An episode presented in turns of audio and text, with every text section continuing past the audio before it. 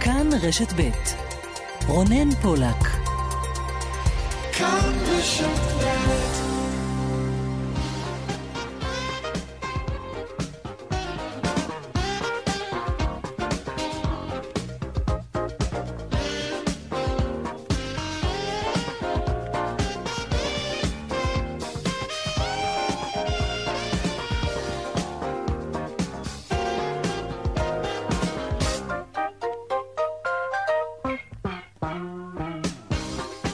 עכשיו ארבע ועוד אה, חמש דקות וחצי, צבע הכסף, התוכנית הכלכלית כאן ברשת ב', שלום לכם ותודה שאתם איתנו. עמית כהן מפיקה היום את התוכנית, טכנאי השידור יוראי פיקר, אני רונן פולק, המייל שלנו כסף כרוכית כאן.org.il. אנחנו איתכם כאן היום, אה, גם היום, עד חמש. אבל עוד אה, לפני כותרות צבע הכסף ועוד לפני הכלכלה, אנחנו עם הידיעה העצובה על יונתן גפן, שהלך לעולמו, המשורר, הסופר, הפובליציסט והסאטיריקן יונתן גפן, בן 76 במותו. שלום דורית אסרף מזרחי, עורכת התרבות שלנו. שלום רונן, כן, באמת. אחד. מענקי התרבות הישראלית ללא ספק. אין ספק שמדובר בהלם בעולם התרבות. Mm-hmm. כמו שאמרת, המשורר, הסופר, העיתונאי, יונתן גפן הלך היום לעולמו, גפן בן 76 במותו. הוא כתב אה, מאות שירים ופזמונים למבוגרים ולילדים, עשרות ספרים, היה שותף ליצירת אלבומים רבים.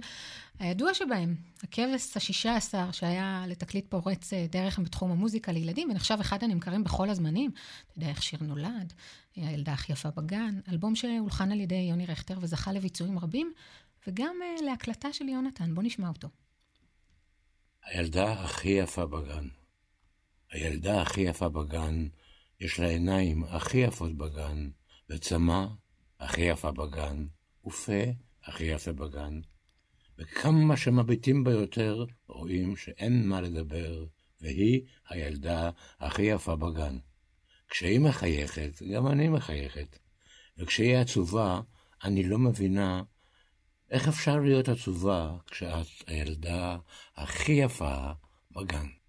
הקול הכל כך מוכר הזה, הכל כך מאפיין אותו עם השיר הזה שנדמה לי אין, אין ילד, אין אדם, ואין טקס לא משנה. בבית ספר מתישהו נכון. שלא שמו את זה, זאת הקלטה שלו לסטוריטל, אפליקציית אה, ספרי אודיו וספרים דיגיטליים. גפן אה, יליד נהלל, בנה של אביבה לבית אה, דיין, אחותו של הרמטכ"ל והשר לשעבר משה דיין. את שירותו הצבאי עשה בהתחלה בצנחנים, אחר כך בגולני, לחם במלחמת ששת הימים, השתחרר אה, בדרגת סגן כקצין מודיעין. בהמשך, כאיש מילואים, הוא גויס למלחמת יום הכיפורים, ממנה לדבריו חזר הלום קרב. ב-1974 העלה את המופע "זה הכל בינתיים", בינתיים זה הכל, עם דני ליטני.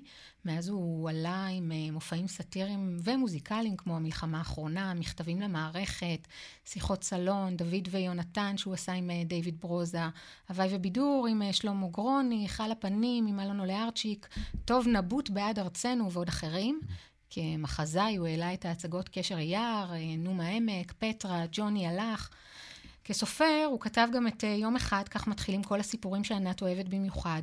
ילד הכרובית, אלרגיה, אלה לילדים, למבוגרים, הוא כתב את אישה יקרה, בו הוא חיפש תשובה לשאלה איך ולמה נפטרה אמו אביבה. חומר טוב, בו הוא סוגר חשבון עם חבורת לול, ובמיוחד עם אורי זוהר, למרות שאנחנו uh, זוכרים שהוא ישב שעות בכסית וניסה להיכנס לחבורה. עוד ספרים, עלייתו ונפילתו של הוואי ורומן אמריקאי. ומעבר לשירים, הספרים והמחזות, אפשר היה לראות אותו בטלוויזיה. אומרים שהיה פה העולם עצוב הצוחקים של הטלוויזיה החינוכית. בואו נשמע קטע שהוא מתייחס לחבורת לול. מבינים, אני מעולם לא הייתי חלק מהחבורה, כי אני לא ממש אוהב חבורות. אבל כתבתי שירים ללול ולאריק, והשיר הכי מוזר והכי מהיר שכתבתי אז היה כששמולי קראוס ישב עליי, דפק לי סטירה והכריח אותי לכתוב מילים, ומיד.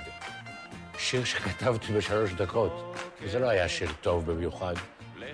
ובגלל שכתבתי אותו לחוץ ומהר, עד היום לא ברור לי מה בדיוק השיר הזה אומר. בוקר, לחי יבשה, שמש כמו ביצה קשה, רוח, למה את צריכה? למה, למה את בוכה? וכן, היום אני כבר מבין לגמרי למה היא בכתה. כי היא לא הבינה על מה השיר הזה, הילדה. שלום, סליחה ותודה. כן. שלום, סליחה ותודה. כל כך יונתן גפן. לגמרי. שירים נוספים שהוא חיבר, הבלדה על חדווה ושלומיק, מי מפחד מגברת לוין, בלדה לנאיבית, הנסיך הקטן, האישה שאיתי, כל כך הרבה שירים. הוא הניח אחריו שלושה ילדים, הבמאית שירה גפן, המוזיקאי אביב גפן מאשתו הראשונה נורית, ונטשה מזוגתו השנייה. קיבלנו לא מזמן את ההודעה, בצער רב המשפחה מודיעה על פטירתו של אהובנו יונתן גפן. כמובן, פרטים על הלוויה יימסרו במועד מאוחר יותר.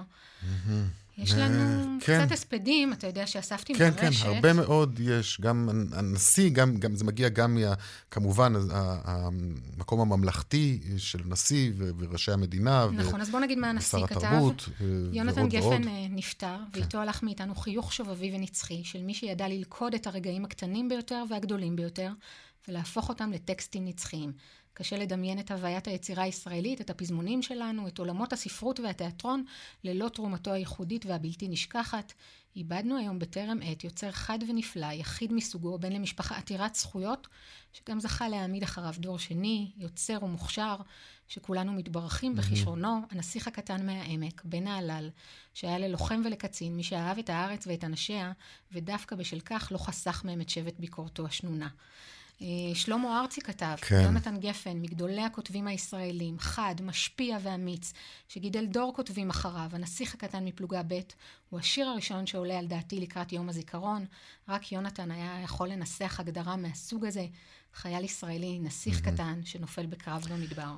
הרבה מאוד uh, הספדים ומספידים, גם מעולם התרבות, גם מעולם הפוליטיקה, וצריך לומר, זה קורה כשבוע לאחר מותו של הסופר מאיר שלו, ש... ש... שגם הוא נולד בנהלל, וזה עוד יוצר בתרבות הישראלית מנהלל. דורית אסרף אה, מזרחי, תודה רבה לך. תודה. ובואו אה, נשמע דברים שאמרה לפני שעה קלה הזמרת אה, ריקי גל על יונתן גפן. עם יונתן עבדתי המון, ו- וממש, והוא הכיר לי את המוזיקה שבאה מחו"ל, אה, את, את אה, פינק פלויד, והוא עשה לי היכרות עם, עם מוזיקה שלו עוד לא הגיעה לכאן. אני כל הזמן נפגשתי איתו, אם, ב, אם באקראי ואם במתכוון. ב, אה, אני רק יכולה להגיד לך, הוא, הוא, הוא זכר לי את זה, שאני תמיד אמרתי ש, שכשיקברו אותי אני רוצה שישמיעו את מקום לדאגה. הייתה לו דעה על כל דבר, והוא היה מלא חוש הומור, אבל הוא היה, הוא היה ציני, כי, כי הוא ראה את הדברים המטופשים שקורים לפעמים, ו, ואת ה... הכל, מטוב ועד רע הוא, הוא ידע הכל, והרגיש הכל, ונשם הכל, ו... וביטא את הכל בכל דרך שהיא, בשירים, בשירי ילדים, בשירי מבוגרים, בסיפורים. ריקי גל שוחחה עם אה, ערן סיקורל. שלום רמי פורטיס. ערב טוב, לא, ערב עצוב מאוד בעצם. בהחלט, יום קשה שבו אנחנו מתבשרים על מותו של יונתן גפן, אמ, מגדולי המשוררים, ענקי התרבות הישראלית. בוא ספר לנו על התחושות שלך ביום הזה. אוף, אתה יודע, בעצם אני הכרתי את יונתן לפני הרבה מאוד שנים, כשהייתי צעיר, הייתי תאורן בלהקת תמוז, והיה לו מופע, זה הכל בינתיים, זוכרים את זה? כן. דני ליטני הזמין אותי פעמיים לשיר במופע הזה, וזה היה בשבילי, אני זוכר את זה עד היום כאחד הרגעים החשובים בחיים. אה, יותר מאוחר עשינו ביחד את ולס עם מטילדה בפורטי סחרוף, וזה היה גם רגע מרגש מאוד, אה, שיר שמאוד הצליח גם. נכון, לגמרי. אני אגיד לך, אני עדיין מבולבל, מפני ש... אם יש השראה ממישהו שכתב בעברית של היום, ולהבדיל ממה שהיה קודם לפני יונתן, פזמונים היו נשמעים ארכאיים, ויונתן קיצר את הארכאיים, הוא הוציא אותם מהלקסיקון של הפזמון הישראלי. הוא הפך את זה. זאת השראה גדולה, זאת השראה גדולה ואבדה גדולה נכון. מאוד מאוד מאוד גדולה. גם עבורך, רמי, אתה אפשר גם להגדיר אותך מהגדולים שבכותבי הטקסטים אה, בכל הזמנים כאן בארץ. בוא תספר לנו על ההשפעות שהיו לו ליונתן גפן אה, עליך, על הטקסטים שכתבת. אני חושב, את ולסי מטילדה, יונתן הזמין אותי לשיר, זה היה לאלבום אוסף שהוא בדיוק הוציא. ואני חשדתי, אמרתי, למה הוא מזמין אותי? מה? כנראה שממזמן, עוד ממזמן מכתבים למערכת, יונתן זיהה בי דברים שכנראה אנחנו די שותפים בהם, וכדי להגיד את הדברים כמו שהם. לא לכתוב אותם, אתה יודע, אה, מיופייפים ופוליטיקלי קורקט, הם ישנם שם, ואתה צריך להגיד אותם, אלה הם החיים. אתה, אנחנו סוג של מצלמה. אנחנו מצלמים את העולם שמסביבנו, ויונתן עשה את זה בצורה מדהימה, זאת השראה, אני אמרתי כבר, השראה, הוא פשוט כתב את הישראליות בכל השנים שהוא חי בה, תיאר אותה בצורה מושלמת. מכל הרובדים, מילדים ועד הצבא, ואין אין רגע דל. לגמרי. הוא, הוא גם היה איש מאוד... Uh... אתה יודע, הייתה בו את הפוליטיקה כמובן, כן. יונתן גפן. אתה חושב שאומנים במיוחד בימים אלה יכולים לנתק את עצמם מהפוליטיקה או להישאר רק עם האומנות שהם מייצגים?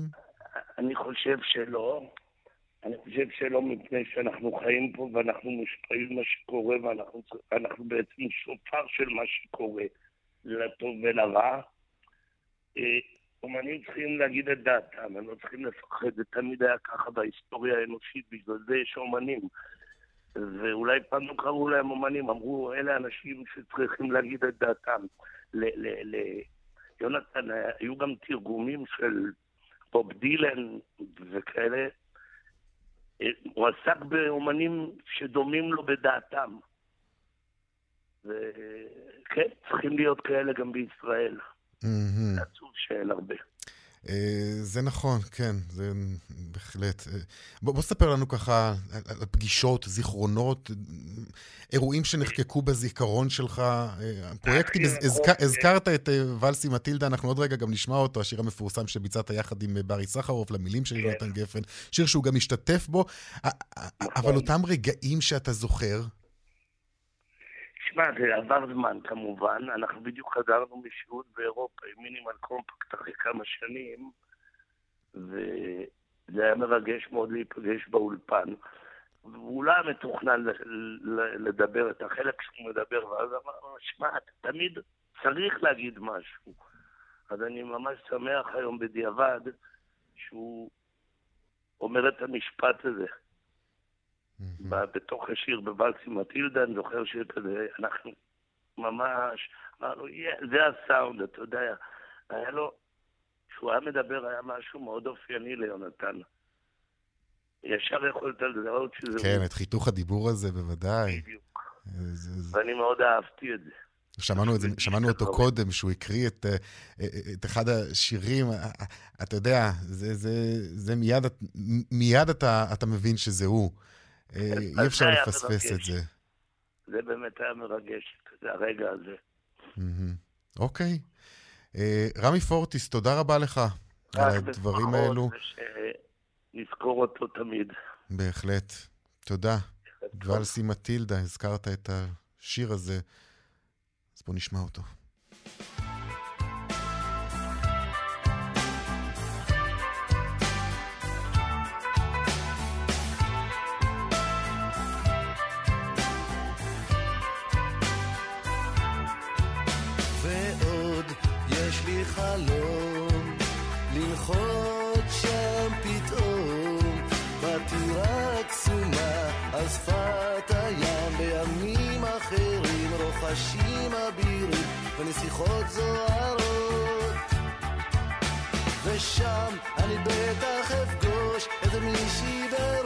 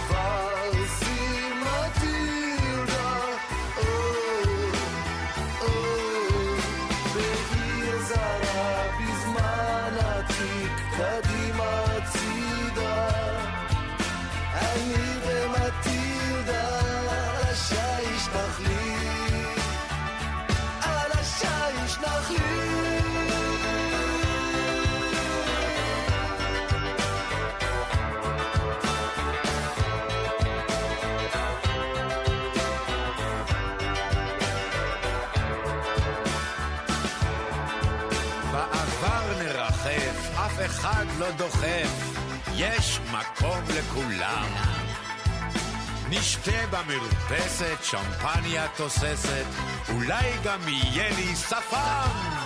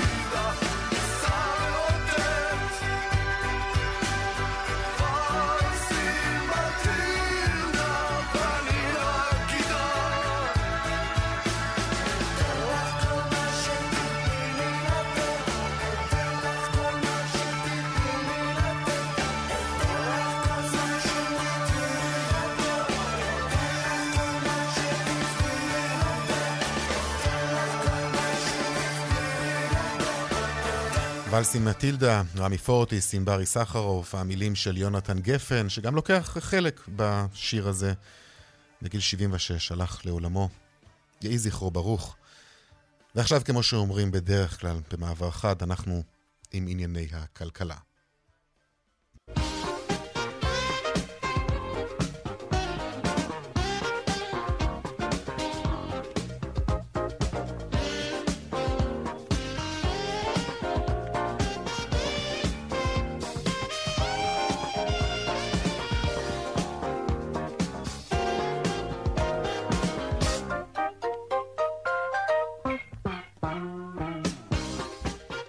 אנחנו עם כותרות צבע הכסף, אה, האטה בנדל"ן. בחודש פברואר נרשם שפל של 20 שנה במכירת דירות חדשות, כך עולה מנתונים שפרסמה היום הכלכלנית הראשית במשרד האוצר. הירידה היא של יותר מ-40% לעומת חודש פברואר בשנה שעברה. סך הכל נמכרו בחודש זה כ-6,300 דירות בלבד. מיד נרחיב בנושא הזה. משרד התיירות יקצה בשנה הבאה כ-300 מיליון שקלים לפיתוח תשתיות ציבוריות. המשרד יתעדף פרויקטים שלהם ערכים תיירותיים היסטוריים באזורים כמו יהודה ושומרון. בנוסף תינתן עדיפות לפרויקטים שייתנו מענה לעומסים תיירותיים, זאת ועוד בפרויקטים עם תשלום אה, כניסה. שיעור ההשתתפות של המשרד יהיה נמוך משל אלו הפתוחים בחינם לציבור.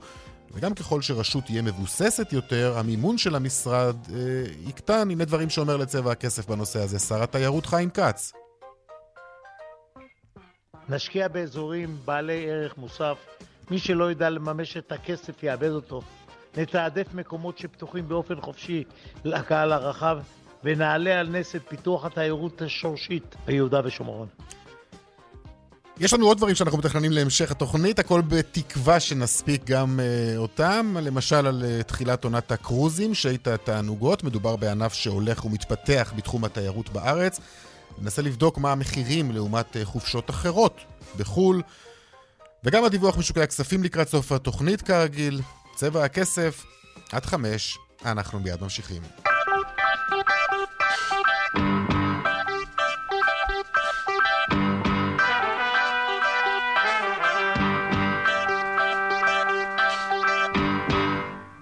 האטה בנדל"ן, אנחנו עם הנתונים שמפרסמת היום הכלכלנית הראשית במשרד האוצר על שפל של יותר מ-20 שנה במכירת דירות חדשות. שלום, גילי מלינצקי, כתבתנו.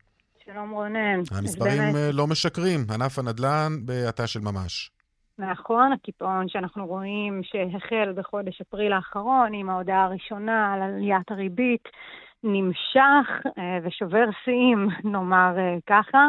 בהשוואה לפברואר הקודם, אנחנו מדברים על ירידה של 41% במספר העסקאות, גם בהשוואה לחודש הקודם שנמדד ינואר, אנחנו מדברים על ירידה של 11% במספר העסקאות. הפלח הבולט במיוחד הוא מספר העסקאות בדירות יד שנייה, שם אנחנו רואים את הירידה הכי דרמטית של 48 אחוזים בהשוואה לפברואר הקודם, זה אומר 3,755 דירות בלבד.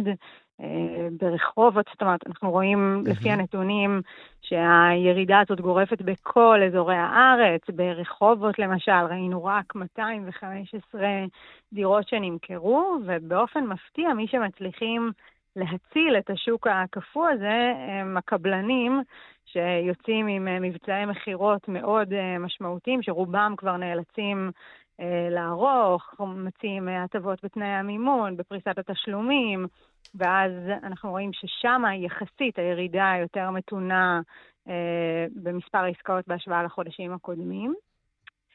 אמ, אנחנו רואים שהרבה מהדירות שנמכרות היום על ידי הקבלנים הן דירות שנמכרות ויימסרו רק בעוד שנתיים, מה שאומר שגם פה המצוקה של הקבלנים והמלאי הולך ונשחק. אמ, הדבר היחיד שאולי יכול לשמח איתה, אותנו בהקשר הזה של הקיפאון המתמשך זה האיתות אה, וההשפעה על המחירים. כן, כמובן. ראינו ראינו ביום שישי האחרון באמת אה, את נתוני הלשכה המרכזית לסטטיסטיקה, שם דיווחו כבר על ירידה של שתי עשיריות האחוז במחירי הנדל"ן, ואם אנחנו מסתכלים רק על הסקטור של הדירות החדשות, אנחנו מזהים בחודשים האחרונים כבר ירידה יותר דרמטית. אה, ואם הקיפאון הזה יימשך, סביר להניח שגם המגמה של ירידת המחירים תתחיל לתת אותותיה אה, יותר ויותר. כן, מן הסתם. גילי נכון. מליניצקי, תודה רבה לך. תודה לך, רונן. ממשיכים בנושא הזה. שלום לך, ניר שמול, מנכ"ל חברת שניר והחברה לפיתוח והתחדשות עירונית. שלום. שלום רונן, לך ולכל המאזינים. בוא תסביר לנו מה קורה כאן. תראה, אני חושב שכרגע בדיוק מה שגילי תיארה זה המצב האמיתי בשוק. יש כרגע שוק של הרבה מאוד הזדמנויות. אני חושב שמה שהיום אנשים יכולים לקבל היום מבחינת הטבות, מבחינת תשלום, מבחינת אפילו מחיר, לעומת מה שהיה לפני שנה, ואולי גם מה שלא יהיה בעוד שנה, זה באמת אה, משהו שהוא חסר תקדים. רגע, אבל בוא, בוא ננסה להבין גם את השוק, אה, אה, כי, כי אנחנו רואים גם, כמובן, ראינו נתונים אתמול של ירידה במספר נוטלי המשכנתאות. אנחנו רואים את הנתונים האלו שמתפרסמים כבר כמה חודשים ברציפות, שמעידים על כך שבונים כאן הרבה פחות אולי ממה שרצינו. מצד שני, זה לא שהזוגות הצעירים בישראל כבר לא צריכים דירות, וכולם הולכים הביתה בסוף היום. הצורך הרי עדיין קיים, אז מדוע זה לא בא לידי ביטוי בביקוש? קודם כל, רונן, קודם כל, הגדרת בדיוק את הנושא הכי מדויק, וזה נושא של התחלות הבנייה. כי מה שקורה עכשיו. באמת יש האטה מאוד משמעותית בשוק. אגב, אני חייב להגיד לגבי מה שגילי אמרה, באמת יש שינויים בין אזורים שונים בארץ. עיקר ההאטה זה כרגע באזור המרכז, במרחב צפון ובמרחב דרום אנחנו רואים אה, ירידה בעסקאות, אבל לא כל כך אה, דרמטית כמו באזור המרכז. אין ספק שהגורמים המרכזיים זה כמובן קודם כל עליית הריבית, זה הגורם מספר אחד שבעצם מצנן את השוק ומרגיע את השוק, כי אנשים בעצם נותנים הלוואות הרבה יותר יקרות. ומהצד השני, כמובן גם המשבר בהייטק וגם כמובן האווירה החברתית וכל המחאה שכרגע קורית בישראל לא תורמת כל כך, כי הרבה מהכלכלה זה פסיכולוגיה, וכרגע האופק אה, מורגש די שלילי. רגע, אז, ולכן- אה, רגע, אז למה, איך זה קשור ל- לאזורי, ל- ל- לאזורים גיאוגרפיים? למה אנחנו רואים את זה אני, יותר לא- ב... אני לא עשיתי, עשיתי, לא, לא עשיתי מחקר, באמת סוציולוגי, אהה. למה באזור המרכז ובעיקר בתל אביב קונים כרגע הרבה פחות, אבל אני חושב שיש השפעה די משמעותית גם באמת למה שקורה כרגע בישראל מבחינה חברתית. אבל אני אומר עוד פעם, רונן, הנקודה האמיתית היא, וזה אולי המפגש הכי חשוב שאנשים צריכים לשמוע ברדיו ולהבין, אהה. יש כרגע הזדמנויות שיהיה קשה מאוד למצוא אותן בשנים הקרובות. באמת היום הקבלנים וגם אה, האנשים שמוכרים דירות כרגע, באמת הם מאפשרים הרבה יותר גמישות לעומת מה שראינו לפני שנה. זאת אומרת, לפני שנה אם בן אדם מגיע לפגישה ולא היה קונה, אז יום למחרת מי שהיה קונה בעוד אה, מחיר יותר גבוה, וכרגע בדיוק הסיטואציה הפוכה. זאת אומרת, מי שיודע לנהל כרגע משא ומתן וניגש לקבלן ומציע עכשיו הצעה מהמתחרה, הוא יכול לקבל היום תנאים שהוא לא היה מקבל, ואני אומר בוודאות, בשנים האחרונות שהשוק היה כל הזמן בעלייה. וכרגע השוק נמצא בהתמתנות אה, די משמעותית, ויש כרגע הרבה הזדמנויות. ואני חושב שאנשים שכרגע מחפשים עסקאות והזדמנויות, זה הזמן כרגע לקנות, כי מהמם. מה שאמרת זה הנקודה המרכזית, כי ברגע שיש פחות התחלות בנייה והקבלנים כרגע פח, בונים פחות, אז שוב פעם, יש בישראל נולדים 200 אלף תינוקות בשנה, נפטרים 50 אלף אנשים בשנה ובונים רק 50 אלף דירות. זאת אומרת, הביקושים הכבושים שאנחנו רואים היום, אלו שיושבים על הגדר, בעוד שנה, בעוד שנתיים, אנשים יחזרו לשוק, ועוד פעם, הישראלים עצמם, שלא רוצים להרגיש פראיירים, בסוף תמיד קונים רגע, אז אוקיי, אז מה אתה אומר. לי, כמי שמוכר דירות, בוא, בוא תגיד לי, כיצד זה בא לידי ביטוי באתרים, במרכזי המכירות? אתה מוריד מחירים, מגיע אליך עכשיו זוג צעיר, רוצה לקנות, אתה אומר לו... מש- אני, חד משמעית, אני חייב להגיד לך שמגיע אלינו כרגע זוג צעיר, אז הוא יכול לקבל כרגע הטבות ותנאי תשלום ומימון וגם הנחות במחיר, שהוא לא יכל לקבל לפני שמונה או זאת תשעה אומרת, חודשים. זה לא שתבוא, תגיד לו רק לשדרג לך את המטבח. אתה אומר, לא, אתה, לא, אתה אבל- מורידים, מורידים מחירים. רונן, אני רוצה להגיד לך משהו, גם כשלא מעלים מחירים, בסדר? ואנחנו לא מעלים מחירים אפילו לא במדד תשומות הבנייה שעולה, מהמם. ואנחנו נותנים הטבות של מימון שעולות הרבה מאוד כסף לקבלנים, ואנחנו נותנים גם הנחות במחיר כשצריך לתת הנחות במחירים, ואני אומר עוד פעם, מה, בוא, סדר שעדיין- גודל של מה, על מה אנחנו תראה, מדברים? בסופו של דבר צריך להבין, רונן, קבלן בישראל, יזם מרוויח בין 15 ל-20 אחוזים, זה הרווח היזמי. זאת אומרת, Mhm. בין 300 ל-500 אלף שקל לדירה, ב- ב- בוא נגיד בסכומים הגבוהים. אז אפשר היום לראות הנחות של 50 וגם 100 אלף שקל בחלק מהעסקאות עצמם, זה מאוד משמעותי לאנשים. ואפשר היום לקבל לא רק אה, הטבות במחיר, אפשר גם לקבל היום הטבות בתנאי תשלום, אפשר לקבל היום הטבות בהלוואות של אה, גישור לאותם אנשים. במפרט. בטח, יש היום. הטבות משמעותיות מאוד לאנשים ויכולים לנצל את זה, וזה זמן נהדר כרגע למי שרוצה לעשות עסקה, ולא לקנות כשיקר, כי הישראלים הנטייה שלהם זה לקנות תמיד כשיקר. כן, טוב, אתה יודע, זה לא שהישראלים לא רוצים לקנות דירה, פשוט עכשיו אנחנו מבינים גם את המצב ש- ש- שסביבנו, את הריבית, ובכלל, תמונת המצב. מה שאתה מתאר גם זה תמונת מצב של אה, קבלנים היום? כלומר, בשבוע שעבר, אני. זוכר, סיפר לי כאן אה, נשיא התאחדות הקבלנים, על לא מעט חברות בנייה שנקלעות ונמצאות בקשיים של ממש. אני לא, דרך אגב, אני חושב שאולי זה קצת היה קצת, קצת אולי הצעד קצת קיצוני מדי, ואולי באמת חלק מהחברות שלקחו הלוואות מאוד מאוד גדולות יכולות להגיע למצב כזה, אבל רוב השוק כי לא צריך נמצא לומר, אותן. חבר, אותן חברות לקחו הלוואות בתנאים מסוימים, ועכשיו הן נאלצות לשלם הרבה יותר בגלל הריבית הריבית שעלתה. הרבה יותר גבוהה, ברור, כן. תחשוב שקבלן יזם לקח הלוואה באחוז וחצי שניים, והיום הריבית היא בין 7 ל-8 אחוזים. השינוי כמובן די דרמטי בסיטואציה הזאת, מהמם. ולכן אני חושב שמה שאנחנו רואים כרגע זה בעיקר באמת אה, הטבות שהקבלנים נותנים, והן הטבות משמעותיות, וצריך לנצל את זה. אני באמת פה קורא פה לקהל המאזינים, מי שרוצה לקנות דירה היום, שיגיע למשרדי המכירות, שיתמקח, הוא יכול לקבל תנאי תשלום, הטבות, מצד שני, שלא היו בשנה מצד. שני, איך אתה יכול להיות בטוח במצב הנוכחי ש... אתה יודע, שחברה קבלנית שאתה מתחיל אה, לבנות אצלה לא תיקלע לקשיים, ו- ובסוף אתה גם, אתה יודע, תצא קרח ומכאן ומכאן. יש ביטחונות היום, מי שקונה היום דירה לא יכול לקנות דירה בישראל אם הוא לא מקבל ערבות חוק מכר או ערבות בנקאית. זאת אומרת שהכסף שלו מובטח או על ידי מוסד בנקאי או על ידי מוסד של חברת ביטוח שמנפיקה ערבות בנקאית, ובעצם הוא מוגן באופן מלא, גם אם הקבלן חלילה נקלע לקשיים או שפושט רגל. הלקוח עצמו מוגן בצורה מלאה. אוקיי, אה, נסתפק בדברים האלו. ניר שמול, מנכ"ל חברת שניר והחברה לפיתוח והתחדשות עירונית, תודה רבה לך. תודה רבה לך ולכל המאזינים. להתראות. להתראות. דיווחי תנועה עכשיו.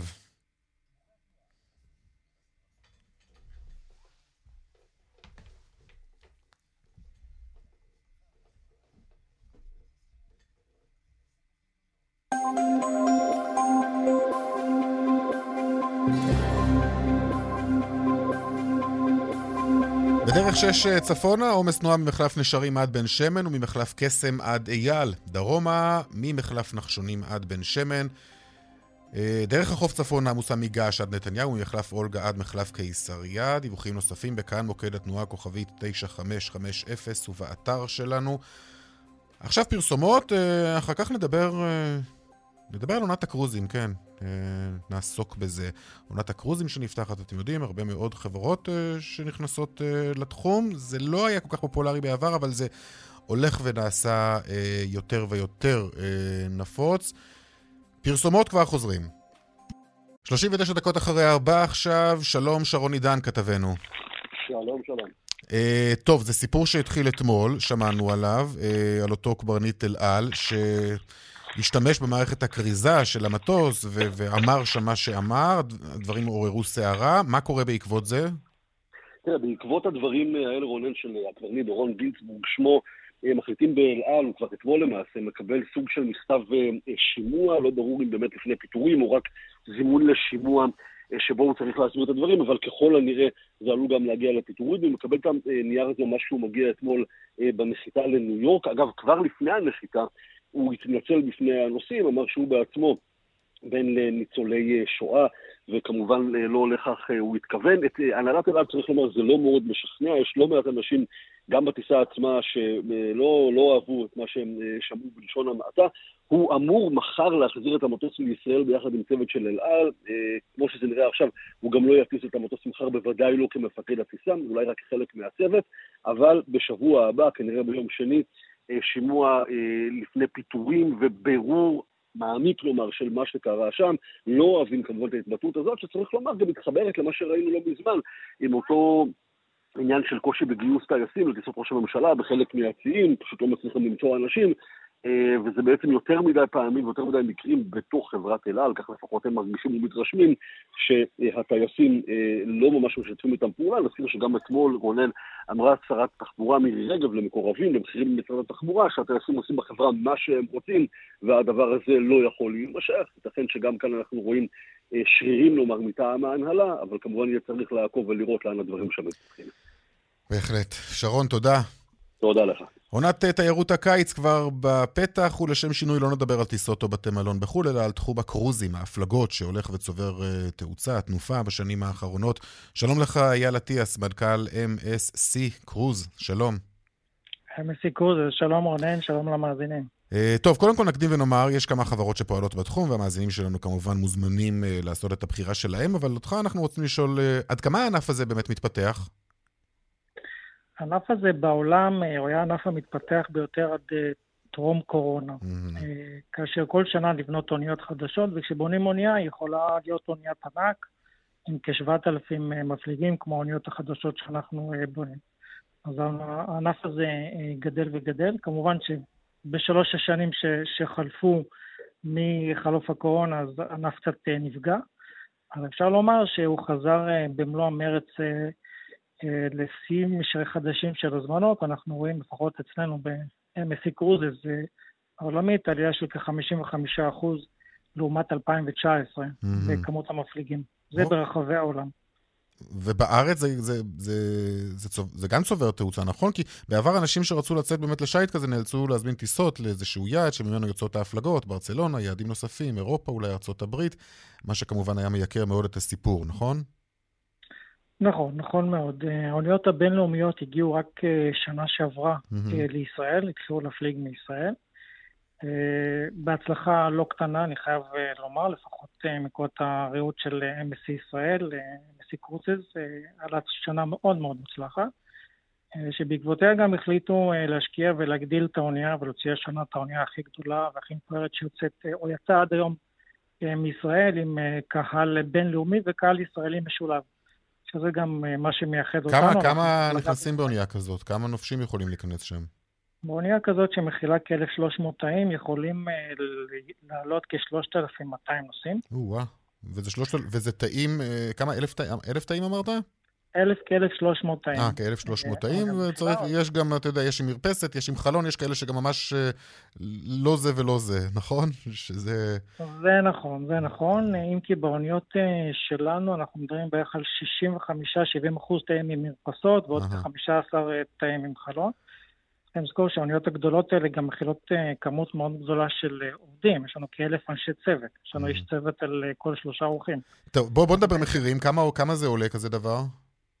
אה, הפלגה של שבעה לילות אה, על ה-MSC מוזיקה שיוצאת אה, כל יום חמישי מחיפה, תלויה כמובן בתאריך, אנחנו מהמם, מפליגים בין כן. אפריל לאוקטובר, אז המחירים מתחילים מ-500 דולר לשבוע, שב-500 דולר האלה בעצם אנחנו מקבלים פנסיון מלא, בופה פתוח 22 שעות ביממה, ארוחות, בידור וכדומה, וכמובן ביקור בחמישה יעדים, אנחנו מבקרים בלימסול, מיקונוס, פיראוס, סנטוריני בטורק... ביוון, קושאדאסי בטורקיה. אה, ספטמבר המחירים קצת עולים, אפשר כבר ב-600 דולר אה, לקנות את ההפלגה, ובקיץ המחירים מתחילים ב-800 דולר. שוב, אוקיי, הפלגה של שבעה לילות. כן. טוב, זה כבר מייקר, למשפחה 18. כמובן, זה גם, זה בסופו של דבר, אתה יודע, יש פה מחיר. אבל אני רוצה לדבר איתך רגע גם על האותיות הקטנות, כי נכנסתי לאתר שלכם, ואז גיליתי Mhm. שמעבר למחיר שאתה מדבר עליו, אני גם חייב לשלם דמי שירות.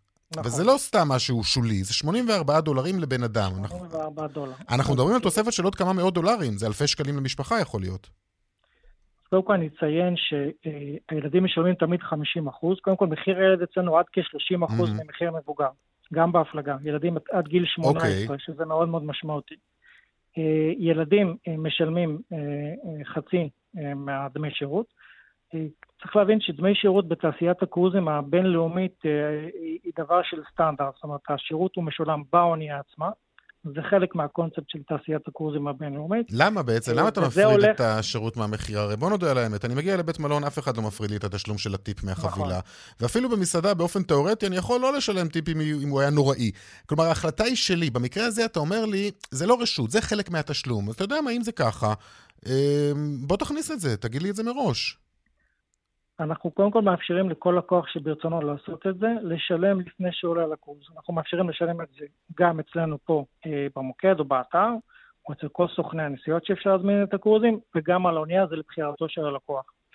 בעצם ה- ה- צריך להבין שהסכום הזה, אה, כמו שאמרנו, יש אלף אנשי אה, צוות על האונייה. לא, לא, זה בסדר, צריך אה, לשלם להם משכורות, אה, אין ספק, צריך לשלם להם קשה, משכורות. זה חלק מה, מהקונספט, שוב, העולמי של קרוזים בינלאומיים, אה, בכל העולם, של מיליוני אה, אה, מפליגים בעולם שמשלמים את דמי השירות האלה, שנכון, אתה צודק, הם חובה, אנחנו מצהירים עליהם באתר, אנחנו מציינים את זה בכל שיחת מכירה, וגם אה, נותנים לבחירת הלקוח לשלם את זה מראש.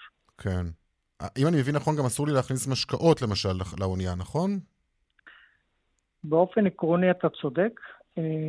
כלומר, אתה בעצם נותן לי חבילה, ואת כל- כל. האקסטרות אני צריך לקנות בפנים במחירים שאתה יודע, לפעמים הם לא כאלה, בלשון המעטה אני אומר, אה, זולים מן הסתם.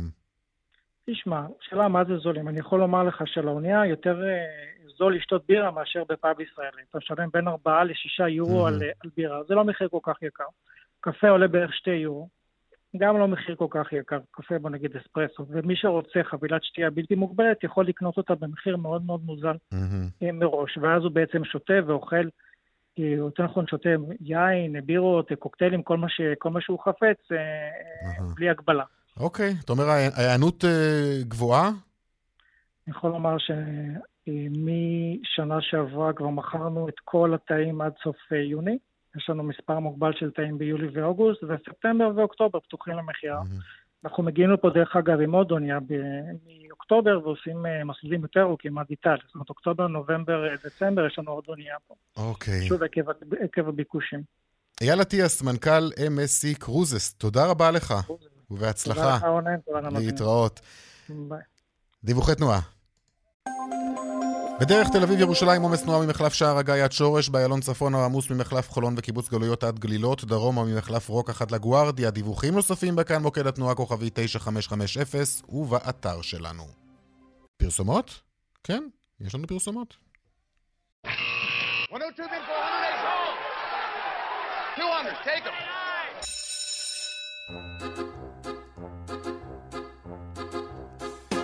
שלום לך רועי שביט, אנליסט מחלקת המחקר של IBI בית השקעות. מה נשמע? מה קורה בשווקים? צהריים טובים.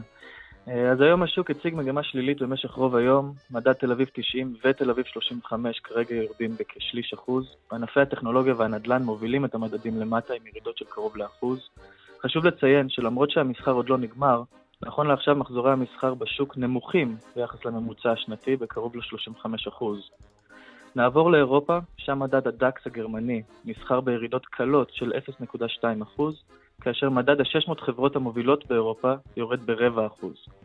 השוק הסיני ירד בקרוב לאחוז וחצי כתוצאה מהתערבות מדינית בשווקי המטח, שגורמים לחששות מהעלאת ריבית בסין. בארצות הברית המסחר נפתח בירידות בהובלת ענף הטכנולוגיה, שיורד לאחר פרסום הדוחות של נטפליקס אתמול בלילה, ולקראת הדוחות של טסלה שצפויות להתפרסם לאחר סגירת המסחר היום. נעבור בקצרה למטח, שער הדולר שקל עומד היום על 3.65, כאשר השקל ממשיך במגמת ההיחלשות שראינו מתחילת אפריל. המגמה דומה גם בשער היורו, שעומד כיום על 4 שקל ליורו. אלו עיקרי הדברים. תודה, רועי שביט, IBI בית השקעות, אנליסט מחלקת המחקר, תודה רבה לך. חוזרים לידיעה העצובה של היום על המשורר יונתן גפן שהלך לעולמו. הסופר, המחזאי, הפזמונאי, הסטיריקן, יונתן גפן, בן 76, הוא כתב עשרות ספרים ומאות שירים ופזמונים. ביצירותיו הבולטות האלבום לילדים, כמובן, הכבש השישה עשר, ופזמונים שהפכו לנכסי צאן ברזל ממש. הנה קטע שבו קורא גפן את אחד השירים בקולו הכל כך מיוחד. הילדה הכי יפה בגן.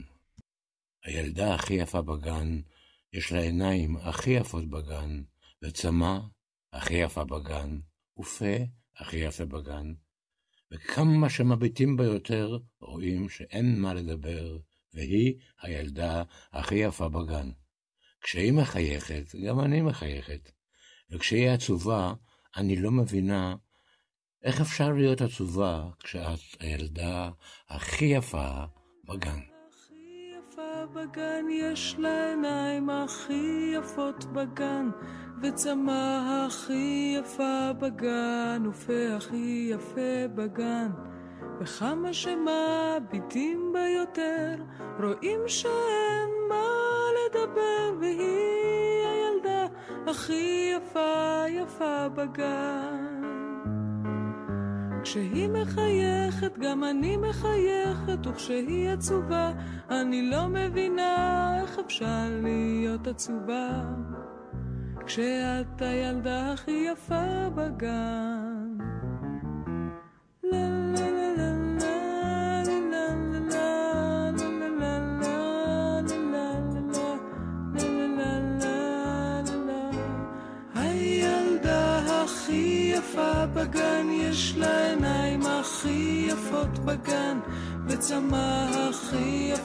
בגן, ופה הכי יפה בגן. וכמה שמביטים בה יותר, רואים שאין מה לדבר, והיא הילדה הכי יפה יפה בגן. כשהיא מחייכת, גם אני מחייכת, וכשהיא עצובה, אני לא מבינה איך אפשר להיות עצובה, כשאת הילדה הכי יפה בגן. פרידה מיונתן גפן, שהלך לעולמו. צבע הכסף סיימנו מהדורת יום רביעי האחרונה לשבוע זה. הפיקה את התוכנית היום עמית כהן, על הביצוע הטכני יוראי פיקר, במוקד התנועה חגית אלחייני, אני רונן פולק.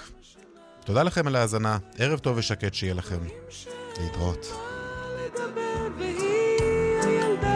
הכי יפה יפה בגן.